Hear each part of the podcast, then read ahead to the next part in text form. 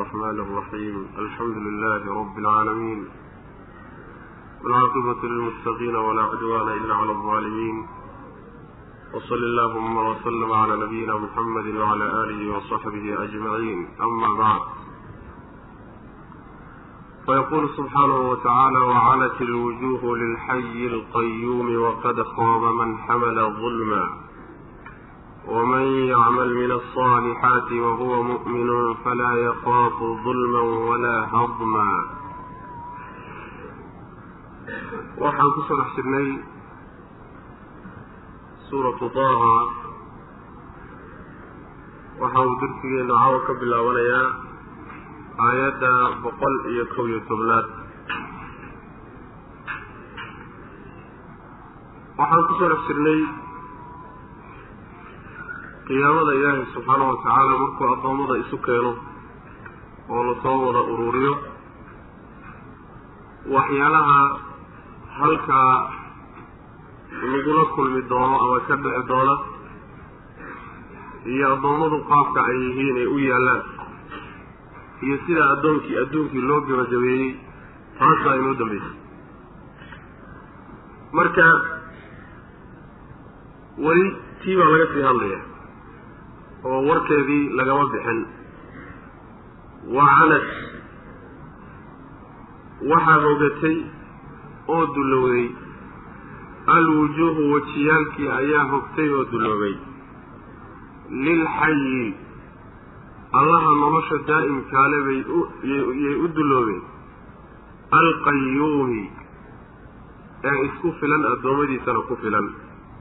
Maamulkoodana u taagan waqad khaaba xaqiiqe ee waxaa khasaaray oo silcay man xamala cidda xambaarsatay dulman dulmi iyo gardarro ciddii soo xamaalatay baana yani inkaari ku dhacday waman yacmal ciddii samaysa min asaalixaati acmaasha wanaagsan xaggeeda walxaal huwa isagu mu'minun isagoo mu'mina oo ilaahay iyo rasuulkiisa rumeeyey falaa yakhaafu ka cabsan maayo kaasi dulman wax wuxuusan la imaanin dusha laga saaro.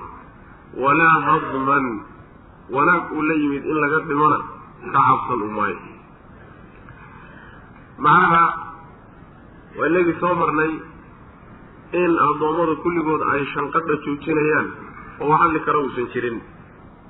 Halkanna waxaa la tilmaamayaa addoommada kulligood ilaahay subxaana wa tacaala bay maalintaa u dullaysan yihiin oo waa la wada xasilloon yahay oo kulli dadku way wada hoganayaanoo wax isdhaqaajin kara ma jiro. Wa canat ilwujuuhu yacni way isdhiibtayo ilaahay bay u xasishay oo isu dullaynaysaa wejiyadii wejigu waa meesha ibni aadamka ugu sharaf badan. Wey haddii isagii baa dulloobay oo isdullaynaya layidhi jidhka intiisii kaleetana waa raacsan isaga waxaa loo cabiray jidhku ugu sharaf badan yahay waxa wejiyadu ay u dulloobeeni waxa weeye waa allaha nolosha daa'imkaa leh nolosha kaamilka ah ee daa'imka allaha leh subxaana wa tacaala ee aan meelna ciin ku lahayn.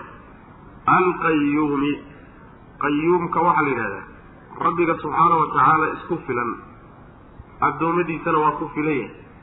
Wixii isaga ka soo hadhana isagay u baahan yihiin wuxuu u taagan yahay maamulka addoommadiisa iyo uunka iyo kownka maamulkoodana ka u taagan. Wey qayuumku waa sifo ilaahi subxaana wa tacaala sifaadkiisa ka mid oo macaani aada u fara badan baa soo gudagelaya markaasuu ilaahi subxaana wa tacaala wuxuu yidhi maalinkaa halkii marka halkaa marka laysugu tago addoommadu kulligood wada hoganayaan oo la wada dullaysan yahay oo khushuucda ay ka kor noqotay maalinkaa waxaa khasaare iyo inkaari ku dhacday oo silacay ninka maalinkaa dulmi la soo galbada nink meeshaasi dulmi la yimaada ninkaa weye ninka halaagsamay dulmigu waxa weeye ama shirki ha noqdo oo gaalnimo ha noqoto illa waa dulmi. Ina shirka la dulmun cadiim. Ama dulmi ha noqdo addoommada ilaahay aada u geysatay oo gardarro ah. Ama dulmi lafahaaga aada dulmidayba ha noqdee noocuu dooniba ha noqdee dulmi ruuxii la soo galbada. Maalinkaa ruuxaasaa khasaaray oo inkaari ku dhacday oo halaagsamay kaa wey maxaa yeelay maalinkaa wax dulmiyo ilaahi subxaana wa tacaala dhaafaya ma jireen. Waa laysku qisaasi addoommada wixii ay iska dulmiyeen waa loo kala goyn sida nabigeenu salawatullahi wasalaamu caleyh xadiidka saxiixa ku leeyahay yacni addoommada ayaa loo kala qisaasi doonaa.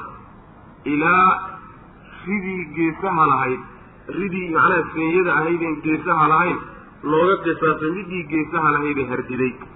Marka meesha yacni adduunyadii iyo xoolihii iyo wixii aan caqliga lahayn loo kala qisaasayo intii caqliga ahayd waa ka seexan jirtaa wey. Dulmiga iyo gardarradu marka la geystaayey mid la cafinayo meho mid la dhaafi mehe meel bay ku qoran tahay. Maalinkaasana la iskala xisaabtamaya waxaa laga dhigayaa marka ruuxii dulmigiisii oo suuro loo yeelay isagoo xambaarsan oo tunka ku sida ayuu maalinta qiyaamada imaan doonaa macna ruuxaasaana inkaari ku dhacday. Ciddii camal wanaagsan la timaad oo acmaasha saalixadee wan wanaagsan ee sharciga ilaahay waafaqsan ka mid a ilaahay dartiina ula jeedo isla markaana iimaan uga horreeyey oo ilaahay iyo rabbigii iyo rasuulkiisaba horay u rumeeyey ruuxaasi isagu ka cabsan maayo in wax laga duudsiyo oo dulmiga waxaa la yidhaahdaa wuxuu ruuxu la yimid. Waxaan u jeedaa macnaha wuxuusan la imaana in dusha laga saaro. Hadmigana waxaa la yidhahdaa in laga duudsiyo wuxuu la yimid labadaa midna ka cabsan maayo bal wuxuu kay la yimidna waa loo siyaadin oo wanaaguu la yimid ilaahay waa u kordhin subxaana wa tacaala. Xumaan badanoo uu la yimidna rabbi waa u dhaafi subxaana wa tacaala hadduu iimaan iyo camal saalixa ku dhinto. Sidaas weya macna. In wax dusha laga saaro iska badaaya ama wuxuu la yimid yacni laga duudsiye waxanad waxaa hogatay oo dullowday. Alwujuuhu wajiyaalkii ayaa dulloobo addoommadii baa laga wadaa. Lilxayi allaha nolosha kaamilkaale ee weligeed jiraysa kaa ayay u dullowdeen alqayuumi ee macnaha isku filan addoommadiisana ku filan maamulo oo u taagan maamulkooda hadday wax siin noqoto iyo haddii wax udhimid ay noqotaba. Waqad shaaba xaqiiqeha waxaa khasaaray oo macnaha inkaay ku dhacday man xamala cidda xambaaray maalinkaa dulman gardarro xambaaray. Waa kii xadiidka nabiga salawatullhi wasalaamu aleyh saxaabada weydiin jira atadruuna mal muflis mufliska ma taqaanaa buu nabigu salawatullahi wasalaamu caleyh ay yidhahdeen muflisku waa ninaan waxba lagu ogeyno gacantiisa ay waxba ku jirin baan u naqaana nabigu waa kii dhihi jiray salawatullahi wasalaamu caleyh mufliska ummadaydu ka midii waa ninka aakhare la imaan doona acmaal fara badan oo soon iyo salaad iyo cibaadaad iyo wax badan ah. Markaasuu wuxuu imaan doonaa isagoo kan caayay oo kan aflagaadeeyey oo kan darbaaxay oo kan dilay oo kan dhiiggiisa daadiyey markaasaa acmaashiisii wan wanaagsanayde uu la yimid ayaa loo qaybin. Kanaa looga qaadi waa la siin. Ilan meeshaasi waxa weeyaan waxaa lagu daynbaxayahay maalinta qiyaamada waa un camalkaagii saalixa. Camalkii saalixa marka loo qaybin oo uu dhammaado oo ay weli soo hadhaan dad taagan oo isagii yani waxa weye uu wax ka galay ayaa markaa waxaa la samaynayaa wixii lagu gudi lahaana dhammaane qolyahan dembigoodii inta laga soo qaado unbaa dusha laga saaro kadibna naarka unbaa lagu dilaandirin oo lagu tuuri maana inkaar baa ku dhacday marka. Adduunkii oo dhan soo khasaan oo macnaha waxa weeye soo dadaal oo soo dhididi. Haddana waxa weeye tacab khasaar baa ku dhacay oo wuxuu soo shaqaysta oo dhan rag unbaa gurtay oo qaatay maca marka dulmigii iyo gardarradaha la iska ilaaliyo addoommada ilaahi subxana watacala waa dulminay waman yacmal ciddii samaysa min asaalixaati acmaasha wan wanaagsan ciddii wax ka samaysa walxaal huwa isagu mu'minun uu yahay mid alla rumeeyey falaa yakaafu ka cabsan maayo dulman in macnaha wax la dul saaro ka cabsan maayo wax uusan la imaanin oo dembiga uusan lahayn in dusha laga saaro oo la masabido ka cabsan maayo.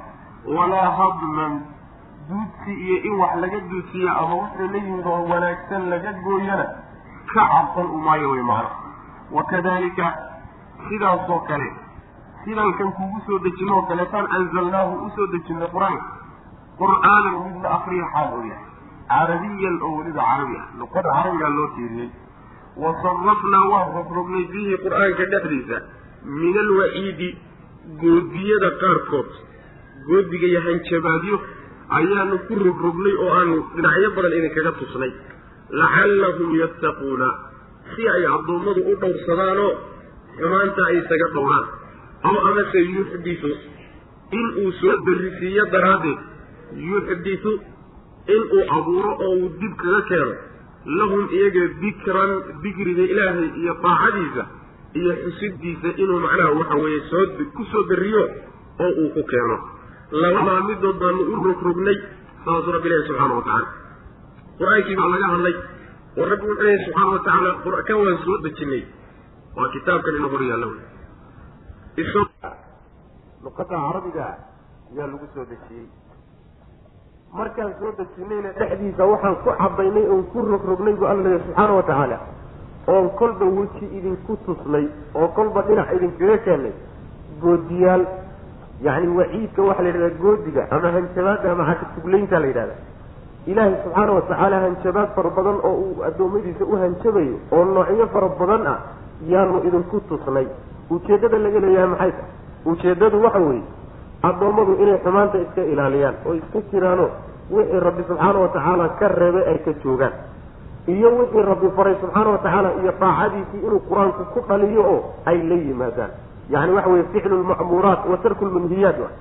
Qur'aanku intaa inuu faa'iideeyo ayaa goodigan faraha badan loo rogrogahayaayo qabriga iyo cadaabka iyo cadho ilaahay iyo awooddiisa iyo inuu idin ciqaabi karo iyo kolba waxa dhinacyadu laydinka tusayahay ujeeddada la doonayaay waxa weye noloshiina in wax laga bedelaa la doonaya. oo waxyaalahaana iska jira laydin aad ka joogtaan wixii laydin dirayna aada la timaadaan saas inuu qur'aanku dhaliyo ayaan macnaha u rogrogaynaa waciidka saasaan rogrogaynaa bu rabbi ilahi subxana wa tacala wakadalika sidaasoo kaleetaanu anzalnaahu qur'aanka u soo dejinay sidaan rusushii horeba ugu soo dejinay ayaanu anzalnaahu u soo dejinay qur'aanan mid la akrinayo xaal u yahay carabiyan oo carabi ah. Waxaynu nidhi haddii uu qur'aanku carabi yahay laa yafhamuhu ilaa carabiyun nin luqa carabiya yaqaana mooyaane nin kale ma fahmi karo. Wabitaali barashada luqada carabigii waa waajib wey liannahu maa laa yatimu lwaajibu ila bihi fahuwa waajib. Waajibkii sharciguna faray waxaan lala imaan karaynin isaga in lala yimaado mooyaane oo waajibkuba isaga ku taagan yahay waajib buu isagana la noqon. Saas wey macana haddii salaada inaad tukata ay waajib tahay waysada oo meel fog kaa taalana in aad u kacdo mooyaane si kale aadan ku weysaysan karaynin waysadana ay salaadii ku xidhan tahay. Socodkaa aada waysada sii aadayso waajibkiibuu ku xidhan yahay waa waajib. Sidaas way macana waajibku wuxuu ku taagan yahay waajib buu noqonaya luqada carabiga inay muslimiintu bartaani waa masale waajiba wey masale macnaha waxa way sunnaha maaha wasarafnaa waanu rogrognay. Fiihi qur'aanka dhexdiisa waxaan ku gedgedinay min alwaciidi hanjabaada qaarkeed baan ku rogrognay yani waxa wey waan ku cadaynay baa laga wadaa. Lacallahum yattaquuna si ay addoommadu u dhowrsadaan oo isu ilaaliyaan oo isaga ilaaliyaan xumaanta aw amase yuxditu lacallahum waxay mudan yihiin yuxditu inuu soo darisiiyo oo abuuro qur'aanku yacni waciidku dheh ama qur'aanku yuxditu inuu abuuro lahum iyaga dikran xusid iyo xusuus ilaahay inuu ku abuuro oo daacadii baa laga wadaa. Horena waxaa laga wadaa xumaantii baa laga wadaa. Saasaa ilaahay subxaana watacaala waciidka qur'aanka ugu rogrogiyo qur'aanka loo soo dejiyey. Sidaa ma yeelay oo inaga nolosheenna markaan fiirino ma saasuu inoo yahay mise waxbaa ka bedelan waxbaa ka bedelan waxbaa ka bedelano natiijada qur'aanku uu dhexdeenna ka dhaliyey. Daaco ilaahay inuu inugu xambaaro ahayd xumaanna inuu inaga reebo ay ahayd wax badan baa sika fatacaala allahu lmaliku lxaqu walaa tacjal bilqur'aani min qabli an yuqdaa ilayka waxyuhu waqul rabbi zidnii cilmaa fatacaala allahu alle ayaa saro maray allihii almeliku ee boqorka ahaa alxaqu ee runta ahaa walaa tacjal ha degdegi nebiyow bilqur'aani biqiraa'ati lqur'aani qur'aanka akrintiisa ha ku degdegin min qabli an yuqdaa intaan la dhammaynin ilayka adiga aan lagu dhammaynin waxyuhu sheegidiisa iyo akrintiisa intaan lagu dhammaynin ha ku degdegin waqul waxaad tidhaahdaa nebiyow rabbi rabbigayow zidnii ii kordhi cilman. Ilaahu cilmi ii kordhi dheh. Saasaa nabiga lagu lehy salawatullah waslamu caleyh ilaahay subxaana watacaala isagaa is-ammaanayo wuu isnasahay fatacaala allahu rabbi wuu sarreeyaayo. Daata ahaan buu u sarreeyaayo. Meel walba ma joogo addoommadiisana kuma dhex jire. Siduu qur'aankiisa ku sheegayba waa sarreeyaa qadar ahaanna ilaahay waa u sarreeyaa subxaanahu watacaala oo addoommadiisa iyo isagu meelba wada geli karaan isumana ekaan karaan. Waa ka sarreeyaa addoommadiisa rabbi subxaana watacaala allahaasi waa ku tilmaamaan boqortooyada kaamilkaa mid kale wey oo aan boqortooyo kaleeta oo xaqiiqiya ayna jirin. Waana midka xaqa oo dhabta ahoo waxa kale oo dhayal waay. Addoommada waa wax la keenay aan jiri jirin. Mustaqbalanna aan jiri jiri dooninoo ilaahi subxaana watacaala goortuu doono u baabi'in karay laakiin midka boqorka xaqa ah waa rabbi subxaana watacaala kadib baa nabiga salawatullahi wasalaamu calayh waxaa la baray qaabkii qur'aanka uu uga baran lahaa oo uga guddoonsan lahaa malakul jibriil calayhim asalaam waxaa nabiga salawatullahi wasalaamu calayhi uu samayn jiray sida macnaha waxa wey saxiix albukhaari iyo keyrkii ku soo aroor markuu malakul jibriil u yimaado oo qur'aanka uu barayo ilan macallinkiisii buu ahay ayuu markuu u meeriyo oo aayadda u mariyo intuusan dhammaynin. Yuu nebigu salawatullahi wasalaamu calayhi yuu ka yuu macnaha waxa weeye ka garab akrin jirayo. Muusan u sugi jirin intuu dhammaynahayo ee macnaha wuu la qabsan jiray. Isagoo macnaha ujeedadiisu ay tahay amay wax kaa fakadaan. Qur'aanka lagu akrinayo lagu baraya amay wax kaa fakadaan dadaal iyadoo ay ka tahay. Yuu nebigu salawatullahi wasalaamu calayhi aada isugu taxalluujin jiray inuu jibriil la akriyo qiraa'ada markuu akrinayo markaasaa allah subxaana wa tacaala waxa uu baray qaabkii uu qur'aanka u qaadan lahaa ee malakul jibriil uuga baran lahaa baa la baray nabiga salawatullahi wasalaamu calayh waxaan u tegi doonaa haddii ilaahay inoo qadaro laa tuxarik bihi lisaanaka litacjala bihi. Ina calayna jamcahu wa qur'aanahu faida qara'naahu fastabic qur'aana uma ina calayna bayaana. Ilahay baa u ballan qaaday subxana wa tacala waxba carabka ha dhaqdhaqaajinin hana degdegina si kaasiyoon qur'aanka u qaado.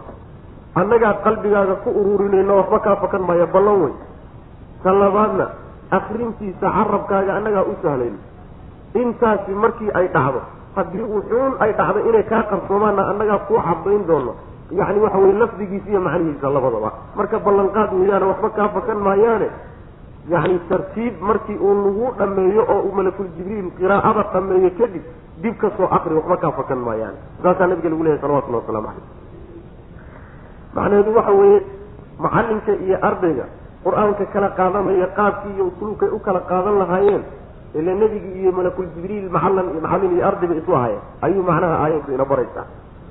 Sidaasaa lagu yihi nabiga salawatullahi wasalaamu calayh waxaa la yidhi degdegin oo qur'aanka akrintiisa ha ku degdegin oo hana garab ordin wey malakul jibriil ha garab ordin. Inta aan lagu dhammaynin akrintiisa iyo sheegitaankiisa ha ku degdegin akrintiisa markii uu dhammeeyo isagu ka baxo akrintiisa bilow. Waxaad tidhahdaabaa nabiga la yidhi salawatullahi wasalaamu caleyh oo ilaahay aada weydiisataa ilaahu cilmi ii kordhi ilaahu cilmi ii siyaadi. Sidaa dhawaale nabiga salawatullahi wasalaamu caleyh waa arrinta koowaad ee ilaahay subxaana wa tacaala uu nabiga faray inuu weydiisto xoolo muusa weydiisaninoo xoolo ilaahay weydiiso lama dhihin. Hanti weydiiso lama dhihin. Ee waxaa weydiisan la yidhi ilaahay inuu cilmi kuu kordhiyo subxaanahu wa tacaala. Sidaa daraaddeed baa nabigeenu salawatullahi wasalaamu caleyh uu ducaysan jiray isagoo aayaddan ku camalfalay wuxuu dhihi jiray allahuma callimnii maa yanfacunii. Allahuma wuxuu dhihi jiray nabigu salawatullahi wasalaamu caleyh ilaahayow yacni waxaad i bartaa waxa i anfaca waanfacnii bimaa callamtanii waxaad i bartayna ilaah igu anfac yani alxamdu lilahi calaa kulli xaal ilaahay xaalad walbana wuu mahadsan yahay. Sidaasuu nebigu u bari jiray alla subxaana wa tacaala oo wuxuu weydiisan jiray ilahu cilmi ii siyaadi. Oo waxaad i bartayna igu anfaco wax i anfaca ka dhig buu nebigu ilaahay weydiisan jiray subxaana wa tacaala. Aayaddu marka waxay ina baraysaa cilmigu sidiisaba nihaaye male nihaaye male meel uu ku dhammaada ma jirto cid wada koobi kartana ma jirto oon rabbi ahayn subxaana wa tacaala taasi waxay ina baraysaa nin walba oo cilmi le mid taxliil badan baa jira nebi maxamed salawatullahi wasalaamu calayhi oo aclamu lkhalqi ah. Meesha rabbigii subxaana wa tacaala uu leeya ilaahu cilmi ii siyaado cilmi baa ka maqan. Cilmi uu tabahayo ilaahay uu weydiisanayaa jira. Taasi way kutusi aayaddu oo cilmigu ma la gaadho. Cimrigiisana ma dhammaado. Nebiga salawatullahi wasalaamu caleyh fii aakhiri ayaamihi oo nolosha uu ka sii tegay oo uu faaruqayay nebigu salawatullahi wasalamu aleyh aakhare uu u sii socday. Waxyigu waa ku degay. Intaa waxyi unbaa ku soo degahayo wax cusub baa loo sheegay. Waxun baa la baraya nebiga salawatullahi wasalaamu caleyh taa wuu ina bari waxaa kaloo ina baraya sharaf shayga ugu sharaf badan. Wax ilaahay bixiyo subxaana wa tacaala waa cilmi. Cilmi laakiin camal iyo dhaqan la socdo wey.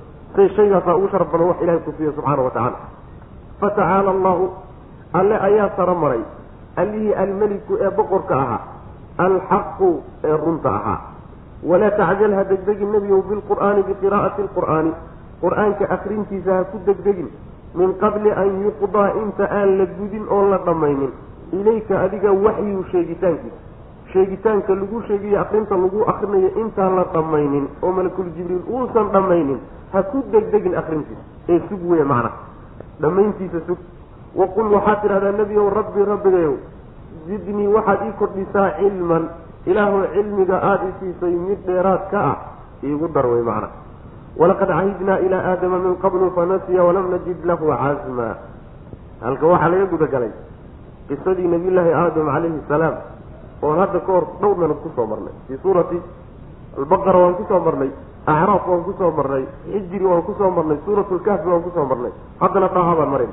Fii suurati saadna insha allahu tacala waan ku mari doonaa walaqad cahidnaa xaqiiqe e waxaanu la ballanay oonu u dardaaranay ilaa aadama aadam min qablu horaan. Fa nasiya markaasuu halmaamay dardaarankii iyo ballantii walam najid mana aanaan helin lahu aadam casman qasad adag maanaan u helin. Yacni nin qasad adagoo niyad adag oo wixii la faray niyad adayg uga soo baxo ku fuliya inuu yahay maanaan helin buu alla yihi subxana wa tacala waid qulnaa lilmalaaikati isjuduu macnaha waxa weye aadam ilaahay subxaana wa tacaala waa kii xaggan ku soo marnaye markii uu abuuray oo malaa'igta u sujuudiyey. Kadib baa ilaahay takaaliif saaray subxaana wa tacaala. Takaaliifta la saarayna waxay ahayd jannada inta la dhex dejiyey ayaa waxaa la yidhi geedkaa mooyaane jannada in alla inta ka soo hadhay oo dhan saad doonto u da macnaha waxa weye u isticmaal oo saad doonto u dhex mar oo u isticmaal baa lagu yidhi. Taa markii lagu yidhi kadib baa waxaa la yidhi geeddaa laakiin iska jir. Geeddii iyadahay takaaliiftii nooca ahayd ee geeddaa iska jir ahayd taas weeye midda la leeyahay walam najid lahu casma cahdiga ilaahay amarka uu siiyey iyo dardaaranka la siiyey kaasuu ahaa. Aadamna ballantii wuu halmaamayoo nin go'aan le muusan noqonin oo ka soo baxa. Amarkii ilaahay subxaana wa tacaala wixii uu ka reebayna ka hara muusan noqonin. Nabiyullaahi aadam calayhi salaam. Walaqad cahidnaa. Xaqiiqe waanu waanu waanu u dardaaranay oo waanu amarnay ilaa aadama aadam min qablu horaan. Aadam baan hadda ka hor dardaaran iyo ballan iyo amar siinay wey. Fa nasiya markaasuu halmaamay. Dardaarankii iyo amarkiiba wuu halmaamay waxaa macnaha waxa weye ka sugan a'imada salafka nasiya aadamu fa nasiyat awlaaduhu aadam wuu halmaamay amarkii ilaahay wuu halmaamay caruurtiisuna markaasay halmaamay sidaas weyaan meel fog kama wadnaan way macna meel fog kama wadna halmaankanoo aabaheenii laynaga abuuray nabiyullaahi aadam calayhi salaam yaa amarkii rabbi subxaana wa tacaala halmaamay. Walam najid mana aanaan helin lahu aadam casman go'aan adayg iyo niyad adag iyo qasad adag maanaan u helin.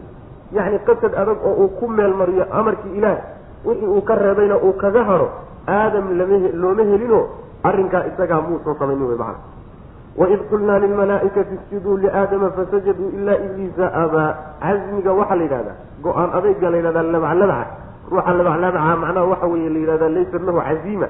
Caziimada waxaa la yidhahdaa waa ruuxa go'aan kale oo wixii uu go'aansado ee uu guddoonsado meel maryaa la macnaha wadkur waxaad xustaa nebiow id qulnaa markaanu nidhi lilmalaaikati malaaigtii markaanu ku nidhi isjuduu sujuuda liaadama aadam u sujuuda. Fasajaduu markaasay sujuudeen ilaa ibliisa ibliis mooye abaa isagu waa diiday sujuudi faqulnaa markaasna waxaanu idhi yaa aadamu aadamow ina haadaa midkani caduwun cadowbuu laka adiga kuya aadam ah walizawjika xaaskaaga xaawo-ana cadow buu u yahay.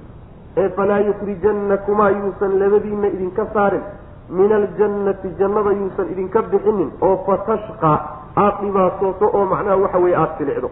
Aadamow inna laka waxaa kuu sugnaaday jannada dhexeeda anlaa tajuuca inaadan gaajoonin oodan baahanin fiiha jannada dhexeeda walaa tacra inaadan aradin wa anna laka waxaa kuu sugnaaday wa annaka adigu laa tadma-u ma aada oomaysid fiiha jannada dhexeeda walaa tadxaa mana aada caga gubyoonaysid saasuu ilahi subxana wa tacala ku qisada waynu soo marnay ee nabiyullaahi aadam calayhi salaam markuu ilaahay abuuray subxaana wa tacaala sharfid iyo maamuusid la sharfayo daraaddeed ayaa ilaahay wuxuu u sujuudsiiyey malaa'igtiisa. Malaa'igtaa la yidhi u sujuudo oo ixtiraam iyo karaamayn la karaamaynayo daraaddeed loogu sujuudsiiyey aadam markii malaa'igta la faray inay u sujuudo kulligeed malaa'igtii way sujuudeen. Laakiin ibliis baa isagu isa soo taagayoo diiday sujuuddii nabiyullaahi aadam calayhi salaam. Waxa ku bixiyey inuu diidana xaggaynu ku soo marnay. Ana khayrun minhu khalaqtanii min naarin wa khalaqtahu min tiin. Yacni waxa weeyaan anaa ka sharaf badan see baan ugu sujuudi xaggan ku soo marnay. Markaasaa ilaahay subxaana wa tacaala nabiyullaahi aadam calayhi salaam ibliis markii la caydhiyey oo ilaahay naxariistiisa ka fogeeyey oo inkaari ku dhacday oo khasaaray kadib baa nabiyullaahi aadam waxaa la yidhi calayhi salaam isagiiyo xaaskiisiiba xawaa jannada degaa la yidhi. Jannada dega markii la yidhina digniin buu ilaahay u raaciyey subxaana wa tacaala. Waxaa la yidhi kani sujuudda iska soo taagay. Ninkaasi cadow buu ku yahay adig iyo xaaskaagaba. Ee yuusan jannada idinka saarinoo sabab yuusan idinku noqonin in ilaahay jannadiisa idinka caydhiyo jannada haddii laydinka caydhiyana ood jannada ka baxdaanna hawl iyo dhib iyo tacab unbaad lugaha la gelaysaan way macana fa tashqaa waxaa laga wadaa adduun baad u degaysaano adduunna noloshan hadda diyaarsan ee iska macnaha waxa weye jannada dhexeeda idinku diyaarsan ma jirtee dhidid iyo muruq iyo dhib iyo orod baad wax ku soo saari doontaan. Noloshaada halkaasaa la gelin doonaaye ibliis ninka leedhada iska jir baa layidhi dhibka ayuuna ku gelinin. Jannada dhexeeda wuxuu ku leeyahay baa marka loo sheegay. Jannadan dhexeeda waxaad ku leedahay baa layidhi aadamow in aadan dhexeeda ku baahanin. Gaaja ma jirto. Kuna macnaha waxa weye arradi maysido dhar u baahan maysid sida mufasiriintu ay leeyihiin ilaahay subxaana wa tacaala wuxuu u geliyey labadoodaba yacni astur a wuxuu saaray. Noocuu dooni ha ka samaysnaadee laakiin astur ayna cawradooda arkaynin buu ilaahay saaray subxaana wa tacaala. Asturkii isaga ahay ay saaraayeen ayaa marka yay cabiraysaa aayadda a walaa tacra inaadan aradin yacni arad iyo maryala-aan iyo marna kugu dhex mayso jannada intaad dhex joogto taana waa la siiyey. Ta labaad ta saddexaad waxaa la yidhi jannada dhexeeda ku oomi mayso. Ta afraadna waxa weeyaan qoraxi kugu qaban mayso oo ku cagagubiyen maysidoo kulayl qoraxeed is arki maysaan. Intaaboo dhexdeedaa laga helaa macna marka yacni juuca iyo gaajadu waxaa la yidhaahdaa waa dulli qarsoon. Aradkuna waa dulli muuqda. Dulli muuqda iyo mid qarsoon labadaba jannada ma yaallaan damaca oo oonkaa waa kulayl qarsoon. Yacni walaa tadxaa daxyiguna waxa weye isaguna oo qoraxda oo ku gubto ah waa kulayl muuqda wey. Kulayl muuqda iyo mid qarsoon labadaba midna ma laha. Dulli muuqda iyo mid qarsoon midna ma laha waa meel wada raacaa wey. Marka aadamow ku fara aday meeshaasoo si fudud yuusan ninkaa cadowgaagii kaaga saarin. Dardaarankaasuu ilahay siiyey subxaana wa tacala wadkur waxaad xustaa nebiyow id qulnaa markaanu nidhi lilmalaa'ikati malaa'igtii waxaanu ku nidhi usjuduu sujuuda liaadama aadam u sujuuda fasajaduu markaasay sujuudeen ilaa ibliisa ibliis mooye sujuuddu waa sujuudu taxiya waa salaam wey iyo iyo ixtiraam iyo sharfid wey sharaa'icdii hore ee sharcigeenna ka horreeyeyna sujuudda waaba laysku salaami jiray oo dadkaba markii la ixtiraamayo waa loo sujuudi jiray sidii macnaha aan ku soo marnayba nabiyullaahi yuusuf calayhi salaam waa kii macnaha waxa weeye aabihii iyo walaaladii iyo waa kuwii u sujuuday marka sujuudda noocaasoo kaleeta ah salaamlaysa salaamiyo ixtiraam dadka la qiimeynayaa loo loo sujuudi jirayo sharciyadii horaa qabay. Laakiin sharcigeenna waa la nasakhay. Ilahay keliyata iskale subxaana wa tacala sujuuda shuruucda la nasakhay ka mid marka waxa weeyaan fasajaduu way sujuudeen ilaa ibliisa ibliis mooye malaa'igtii way sujuudeen. Abaa isagu waa diiday oo sujuuddii uu ka madax taagay. Faqulnaa waxaanu dhi yaa aadamu aadamow ina haadaa midkani caduwun cadow buu laka adiga ku yahay iyo walizawjika xaaskaagaba cadow buu idin yahayo yacni waxa weeyaan meeshu in alla intuu dhib idin geysan karuu isku dayey ee falaa yukhrijannakumaa yuusan idinka saarin labadiinna min aljannati jannada yuusan idinka bixinin. Oo fatashqaa aadamow aad dhibaatoodood rafaado haddaad jannada ka baxda oo labadoodiiba way wada rafaadayaane maxaa loo yidhi fatashqaa oo aadam keliyeeta loo yidhi adiga unbuu rafaadku ku qabsan. Sababku waxay tahay aayaddu waxay tilmaamaysaa oo ishaaraysaa haweenaydu gurigay joogi. oo ninka unbaa foofiyo culaysku ku dhici. Iyadu waxay cuntana way dooni. Guri ay macnaha waxa weeye degtana way dooni. Masruuf iyo marashana way ka rabtaa. Aadamo marka rafaadka adigunbuu gooni kugu noqone. War niyo iska jir meeshaa laleeyahy saas wey macnaha. Sidaa daraaddeed baa iyada looga reebayo shaqigii iyo dhibaatadii laguma soo darin. Inna laka waxaa kuu sugnaaday aadamow anlaa tajuuca inaadan baahanin oodan gaajoonin fiiha jannada dhexdeeda walaa tacraa iyo inaadan aradin wa ana laka waxaa kuu sugna wa anaka adigu laa tadma'u ma oomaysid fiiha jannada dhexeeda oo walaa tadxa mana kululaanaysid oo ma cagagubyoonayd yani waxa way qorax iyo cagagubyotoona ku qaban mayso fawaswasa ilayhi shayطaanu qaala ya aadamu hal adulluka calaa shajarati اlkhuldi wamulkin laa yablaa ninkiibaa isu soo tuuray markiiba fawaswasa ilayhi waxaa si qarsoon ugu sheekeeyey ashayطaanu shaydaan baa si qarsoon aadam ugu sheekeeyey oo u waswaasiyey. Qaala wuxuu uhi yaa aadamu aadamow waa ka hadalkuu u jeediyey. Hadalkuu sida qarsoon ugu dhiibay waa qaala wuxuu yihi ibliis ishaydaan yaa aadamu aadamow hal adulluka ma ku tusaa? Calaa shajarati alkhuldi waaritaan geedkii ma ku tusaa? Geed haddaad cunto waaritaan keeni. Ood geeri ayna weligeed is arkayn. Wa mulkin iyo boqortooyo geedkeed ma ku tusaa boqortooyadaasoo laa yabla weligeed aan duugoobayn. Boqortooyo iyaduna aan dhammaad lahayn geed lagu gaadho ma ku tusaaba ku yidhi. Saas weeyaan. Laba arrimood buu fooda u soo saaro ugu soo gabaaday ilan toos hadduu isu soo muntaxo uu yidhaahdo ibliis baan ahayo inaan ku baadiyayaan doonaya waxba laga dhegaysan maayo. Siyaasaddii ugu horreysay iyo taatiigii ugu horreeyuu la isticmaalay marka. Wuxuu ka soo galay nafsiyaadka aadam buu og yahayo laba shay oo aadam aada u jecel yahay ayuu yaqaanaa. Labada aadam uu aada u jecel yahay midi waxa weeye waa boqortooyo oo carruurtiisu xataa waa rimanta kulliga waxaynu wada doonaynaa inaan wada boqor noqono madax noqon. Taa waa layska wada jecel yahay.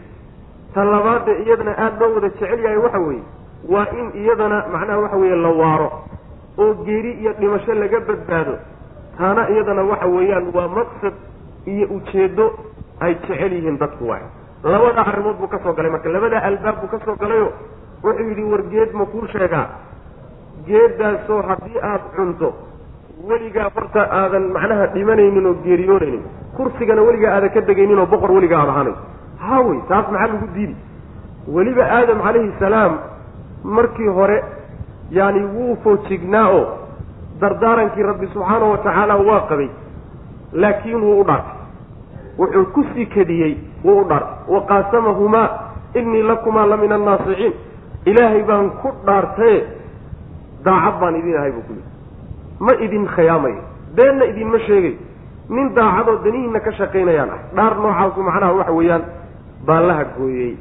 Taasaa marka waxay yidhahdaan mufasiriintu aadam kedisayo waxa uu ku sii kadsoomay waxay ahayd qalbigiisa waxaa ku weynaa alla subxaana wa tacaala. Wuxuu rumaysnaa inuusan ruuxna ilaahay addoommadiisa ka mida ku dhaaran karin oo isagoo been sheegaya magaca ilaahay inuusan soo qaadi karin. Mar haddii loo dhaartay oo magaci ilaahay la maray run buu mooday marka. Middaasina middii u sii kabagelisay bay ahayd. Aadam war iyo murtidii ninkii la odhan jiray ibliis iyo shaydaan aadam waa ka luga meersadayoo yacni waxa weye geedii buu ku riday. Fa waswasa ilayhi waswasada waxaa la yidhahdaa waa hadalka qarsoon ee si qarsoon lagugu dhibo lagugu sheegaa waswasada la yidhahdaa fa waswasa ilayhi aadam xaggiisa waxaa waswaasiyey oo sheeko qarsoon u sheegay ashaydaanu shaydaan shaydaan baa u sheegay. Qaala wuxuu yidhi yaa aadamu aadamow hal adulluka ma ku tusaa calaa shajarati alkhuldi? Geedda lagu waaro ma ku tusaa geedda haddii la cuno waaritaanka iyo jiritaan daa'ima keenaysa wa mulkin iyo boqortooyo oo laa yablaa aan duugoobayninoo weligeed dhammaanayn. Kursi aan lagaba degayninoo lagana geeriyoonaynin layskana casilaynin weligii aan ku dhaafaynin macnaha doorashana aan kugu dhaafaynin. Kaasaa lagu helaa marka waa labada arrimood ee hadda ibni aadamka intiisa badan haddankan iyo dagaalkan iyo dhibkan iyo rafaadkankaas uu ka socdo wey macnaha waa labadii labadii meelood ee labadii dabin ee uu aadam ku dabay unbuu carruurtiisiina weli ku dabahayaa macnaha war meesha macnaha waxa weeye laa yuldaqu lmu'minu fii juxrin maratayn war ruux mu'mina god laba goor lagama wada qaniine mar haddii lagaa qaniino. Maridage allaha dago mar labaad maridage allahi dago. Mar labaad maridage allaha dago mar laba mar labaad dagana allaha dago wey macnaha. Yacni wax allahay dago. Mar haddii lagu dagay marka labaad haddii lagu dagaayo hade waxa weeye waa dagnaan aad uqas u qasada wey macnaha. Inaad macnaha waxa is-ilaaliso wey haddii aadam laynoo sheegay in halkaa la mariyey war ninkii meeshiibuu inugu wadaaye. Nimanyo macnaha waxa weeye aan iska dhicino. Sidaa way sida la doonayo in layna fahansiiyo. Fa akalaa way cuneen. Aadam iyo xawo minhaa geedii bay xaggeeda ka cuneen. Fabadat markiiba waxaa muuqatay lahumaa iyaga saw-aatuhumaa xumaantoodii baa u muuqatay. Yacni cawradii wey gudahoodii baa markiiba banaanka u soo baxay watafiqaa waxay gudagaleen oy bilaabeen yaksifaani inay isku dhedhejiyaan oo isku karkaraan calayhimaa dushooda min waraqi ljannati jannada caleen caleenteedii inay isku dhedhejiyaan bay bilaabeen wanaadaahumaa waa casaadhe wuu caasiyey aadamu aadam wuxuu caasiyey rabbahu rabbigii ayuu caasiyey faqawaa jidkana wuu ka baxay oo macnaha wuu habaabay yacani wuu lumayoo jidkii loo baahnaa iyo sawaabkii buu gafay oo garab maray saasaa laga wadaa. Uma markaa kadibna markii uu aadam rabbigii caasiyey oo uu numay kadib buu ijtabaahu waxaa doortay rabbuhu rabbigii baa doortay. Fataaba calayhi markaasuu ka doobad aqbalay. Wahadaa wuuna hanuuniyey oo wuu toosiyey alla subxaana wa tacaala. Geediibay markaa aadam iyo xawo sidii ku cuneen. Shee su'aasha isweydiinta le waxay tahay ibliis ninka la yidhaahdo waa kii jannada laga soo caydhiyey jannadaa laga soo caydhiye kadib baa aadam iyo xaawo la dejiyey. Sidee buu ku gaadhay? Sheekadan qarsoon marka uu u sheegayo halkee buu ka gaadhayo? Ma telefoon buu u diray. Siduu ku gaadhay baa loo baahanya mufasiriinta qaar ka mid ah ama kutubta tafsiirka waxaad ku arkaysaan abeesuu u dhex galayo. Abeese intuu macnaha waxa weye caloosheeda galay oo uu raacay uu sidaa ku tegayo iyadoon laga warhaynin oo la moodayo ibliis inuu dibadda ku maqan yahay unbuu macnaha jannada dhexeedii fud ka soyo markaasuu aadam macnaha waxa weye sheekadan qarsoon u sheegay. Qisadaasi waa qisa israa'iiliya waay. Aayadna ma sheegin xadiid nebina kuma soo aroorin. Kutubta reer bani israa'iil un baa laga soo qaaday. Run iyo been waxay tahayna allahu aclam. Laakiin waxaa yacni waxa weeye xaqiiqo ah ibliis isagoon jannada gelin inay suurtagal tahay inuu aadam la hadlo. Way fududda maanta oo kaleetana casrigan aan toogno iyo tiknolojiyadan hormartayna waynu rumayn karnaa isagoo ruuxu kaa fogo aad kaaga durugsan haddana inuu kula soo xidhiiri karo oo kula soo hadli karay. Telefoon baaba hadda la bartay macana oo la iskula soo xidhiidha. Marka arrin sahlan wey. Isagoo jannada dibadda ka jooga inuu aadam halkaa kala hadlaayo arrin adagba maa abeesa inuu soo hoosgalaba uma bahna macna saas weya geedii bay marka cuneen aadam iyo xaawo markay cuneenba ilaahay subxaana wa tacaala wuxuu ku ciqaabay dharkii baa laga dhigay. Dharkii baa laga dhigay cawradoodiiyo markii hore aysan isu muuqan jirin oo u kala astunayn oo kala xijaabnaayeen unbaa gudahoodii unbaa hal mar banaanka u soo baxay. Wixii qarsoonaa unbaa banaanka ku soo dhacay. Markii cawradoodii ay soo baxeenna waxay bilaabeen inay intay caleentii geedaha jannada googooyaan inay karma ka dhigtaan oo isku dhedhejiyaan oo bal cawrada inay ku qariyaan isku dayaan. Aadam rabbigiibuu caasiyey buu alla leeyahy subxaana wa tacaala oo amarkii rabbi muusan fulinin geedii iska jir la yidhi buu daaqay oo amarkii rabbi subxaana wa tacaala kama soo bixin. Faqawaa hawaada waxaa la yidhahdaa sida macnaha aada moodo inay raajixa tahay aqwaasha mufasiriintana ka mid a wuu gafay wey macnaha. Faqawaa wuu gafay oo wuu lumay oo jidkii toosnaa iyo sidii loo baahnayd buu garab maray wey. Culimada mufasiriinta qaar ka mid a waxay rajaxayeen oy leeyihiin faqawa waxaa laga wadaa afsada dacaamahu cuntadii wuu iska fasaadiyey wixii wada diyaarka ah ee isku qooshnaa iyo jannadii iyo wixii iyaga ahaa buu iska kharibayo.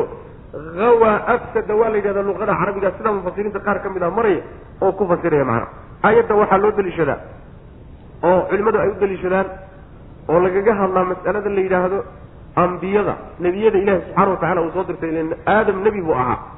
Sidoodaba macsuumiin ma ka yihiin dunuubta yaryarkaa mise dunuubta yaryarkaa waa ka dhici karaan mas'aladaas oo aada looga hadlo ayaa macnaha waxa weye aayaddani ay ka mid tahay adilada loo daliishado macnaha. Kadib alla subxaana wa tacaala markuu aadam uu gefkaasi ka dhacay ayuu ilaahay subxaana wa tacaala dib u doortayoo rabbi baa xushay. Kadibna wuu ka toobad aqbalay oo wixii uu ka dhacay laga dhaaf. Ilaahay baa kadib hanuuniyey oo toosiyey oo jidkii uu ka baxay baa lagu soo celiyey oo uu ku toosay. Sidaasuu alla subxaana wa tacala u leeyay. Toobad aqbalka laga toobad aqbalayna yani waa tii aynu ku soo marnay fi suurati albaqara ilaahay subxaana wa tacaala inuu kelimaad uu u soo dejiyey. Kelimaadkaas oo aadam markii uu macnaha waxa weeye qaatay rabbi ka toobad aqbalay subxaana wa tacala kelimaadkaasina waa kuwii rabbanaa dalamnaa anfusana wain lam takfir lana watarxamna lanakunana min alkhaasiriin ilaahay ow dulmi baanu gallay oo khaldannay meel baanu ka dhacnay. Kuguse soo noqonnay oo ilaahay oo soo laabanay haddaadan sida noo dhaabin oo adigu aadan naga toobad aqbalin daalimiin waxaanu noqonaynaa kuwa khasaaray baanu ka mid noqonayna kelimadaasaa ilaahi subxana watacala marka waafajiyey kadibna waa laga toobad aqbalay oo wixii laga dhaaf saasuu ilahi subxana watacala ina baray. Fa akala way cuneen aadam iyo xaawo minhaa geedi xaggeedii bay ka cuneen. Fabadad way muujisa waxaa muuqatay lahumaa labadooda waxaa u muuqato markii hore ka qarsoonaa saw-aatuhumaa cawradoodii saw-ada waxaa la yidhahdaa waa shayga yani hadduu muuqdo oo la arko ku xumeeyaa la yidhahdaa waa cawrada wey wadafiqaa waxay bilaabeen ay gudageleen yaksifaani inay isku dhadhajinayaan calayhimaa dushooda min waraqi inay ku dhadhajinayaan. Calayhimaa dushooda min waraqi ljannati jannada caleenteeda qaarkeed inay isku dhadhajiyaan intay soo gooyaan ayay marka bilaabeen. Wa casaa wuuna caasiyey aadamu aadam rabbahu rabbigii buu caasiyey faqawa waana khaldamay oo jidka ayuu ka lumay. Uma markaa kadibna ijtabaahu alla ayaa doortay. Waxaa doortay rabbuhu rabbigiibaa doortay. Fataaba calayhi markaasuu ka toobad aqbalay. Wahadaa waana hanuuniyey alla subxaanahu watacala qaala axbitaa minha jamiica bacdukum libacdin caduwun faima yaأtiyanakm minii hudan faman ittabaca hudaaya falaa yadil walaa yashqaa qaala rabbi wuxuu yihi subxaana watacaala ihbitaa ciqaabtii koowaadee ku dhacday aadam waxay noqotay cawradiisii oo hadda ka hor ka qarsoonayd in macnaha waxa weeyaan la muujiyo. Asturkii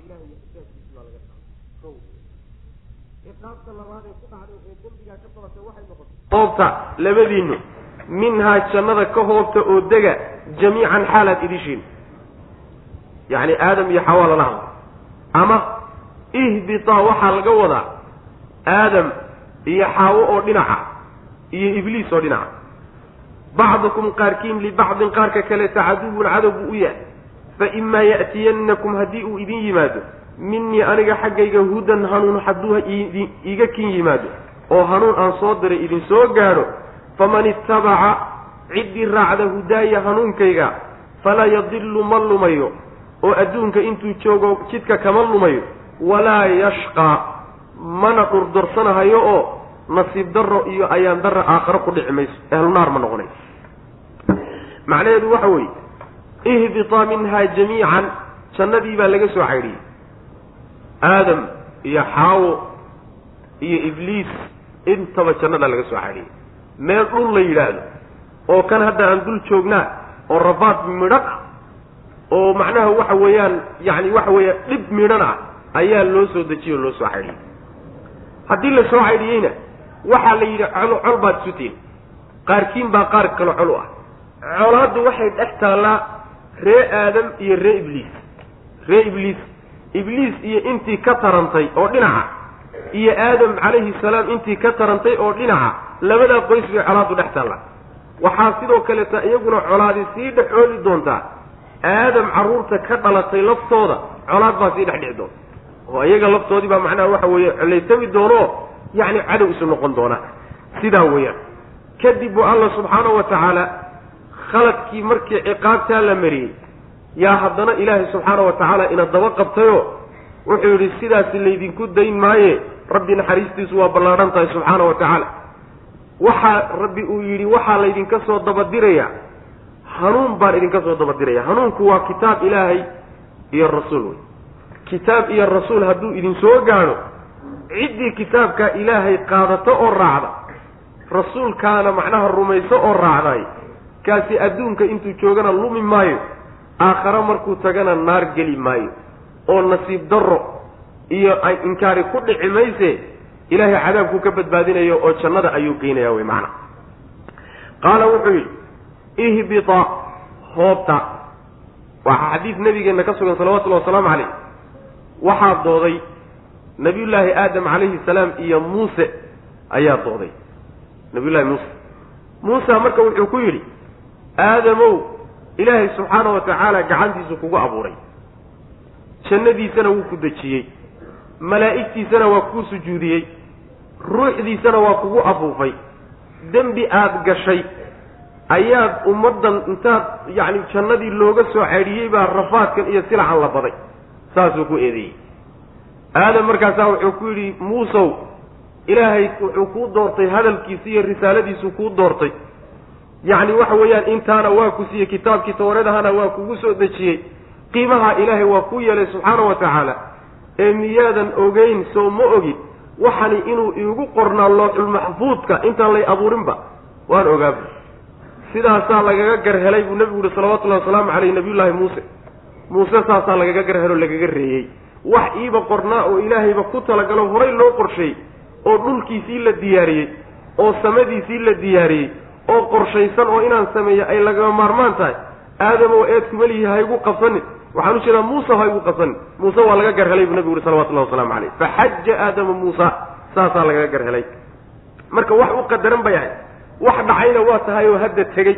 Wuxuu mar hadduu tegeyna yani waxa weeye ka daba tag male wey maana qaala wuxuu yidhi rabbi subxaana wa tacaala ihbitaa hoobta oo dega minhaa jannadii ka hoobta jamiican xaalaad idishiin bacdukum qaarkiin libacdin qaarka kaleeta caduwun col buu u yahay. Fa imaa ya'tiyannakum colaadda marka qodada dheer ee inala kawsatay maalinkii layna abuuray ee aadam la abuurayba calayhi salaam aabbaheen waxaa laga yaabaa intaasoo kun oo sano inay tahay. Kahor maalinkaasay colaaddu ay kow tidhi innagiiyo shaydaan inaga dhaxay weligeedna waa mid taagan wey. Marka waa colaad qodo dheer oo taqliidiya wey weligeedna jiri doonto oon dhammaanaynin. War colaaddaa way colaadda layna gelin layahay ilaahayna doonayo subxaana wa tacaala inuu ina geliyo oo layna leeyahy war nimayo colaad qaata xataa waxa weeye ficillo xataa inaguma jirto waa la ficilloodaaye ninka aabbaheen saa u galay innagana meeshaa ina dhigay. Inaan ficilloodaan loo baahna ficillo xataa inaguma jirto macna.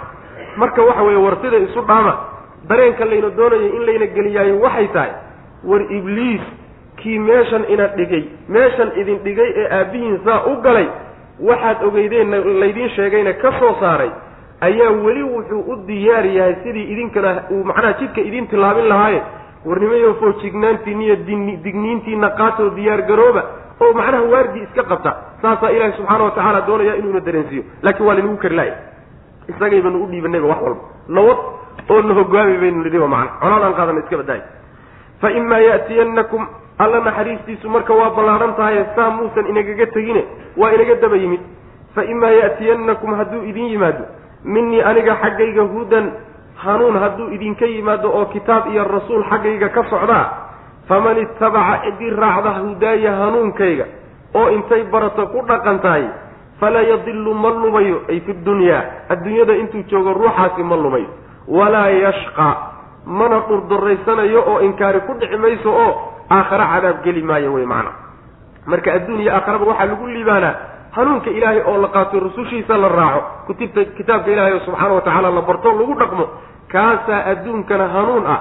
Aakharana janno rabbi iyo cadaab laga badbaada ah kaa ruuxii laakiin seega oo waayaay waa baadi adduun iyo cadaab aakhara iyo shaqaaweya inkaar ku macnaha inkaar waman acrada waaba kanba ilaahi subxaana wa tacaala isagaa inoo sheegay.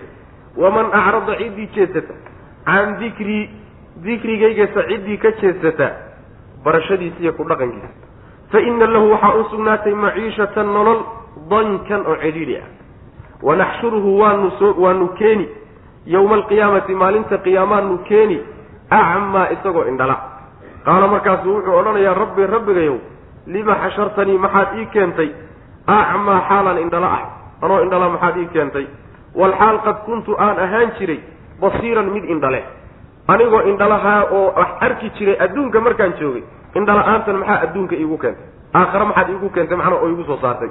Qaala wuxuu ihi rabbi subxaana wa tacaala kadalika sidaasoo kale ayay atadka waxaad kuu timid aayaatunaa aayaadkanagii baa kuu yimid fanasiitahaa markaasaad halmaantay dhegba maada shalad u siinine waad iskaga tagtay.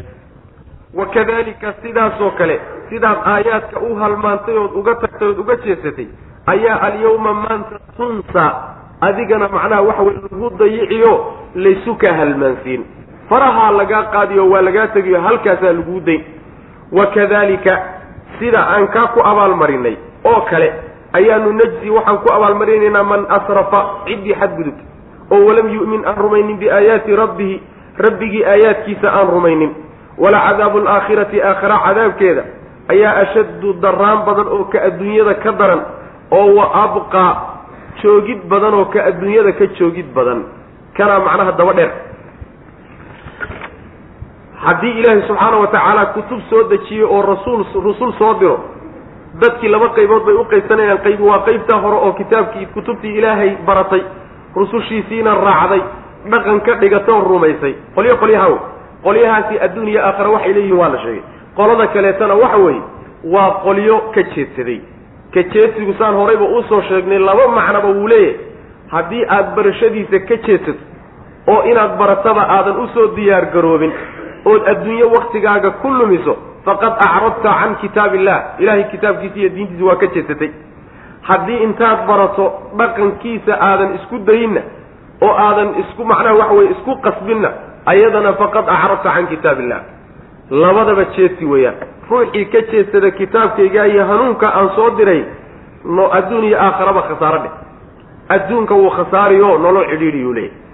Nolosha cidhiidhigae adduunka uu ku leeyahay waxa weeyaan wuu silci oo wuu walbahaari oo qalbigaa oon laga gelini oo qalbigaa gaajo laga gelin oo xasilooni male oo raaxo male oo iimaankaa laga qaadi oo isagoo dhan welaf baa la gelinaya saas way macnaha waxa weye nolosha cidhiidhida wax walba uu hanti haysto iyo wax walba uu gurye leeyahay iyo wax walba maguurto uu leeyahay iyo wax walbo baabuur uu leeyahay iyo wax walbo sharikaad uu leeyahay haddana waa ooman yahayo noloshiibaa silic ku ah.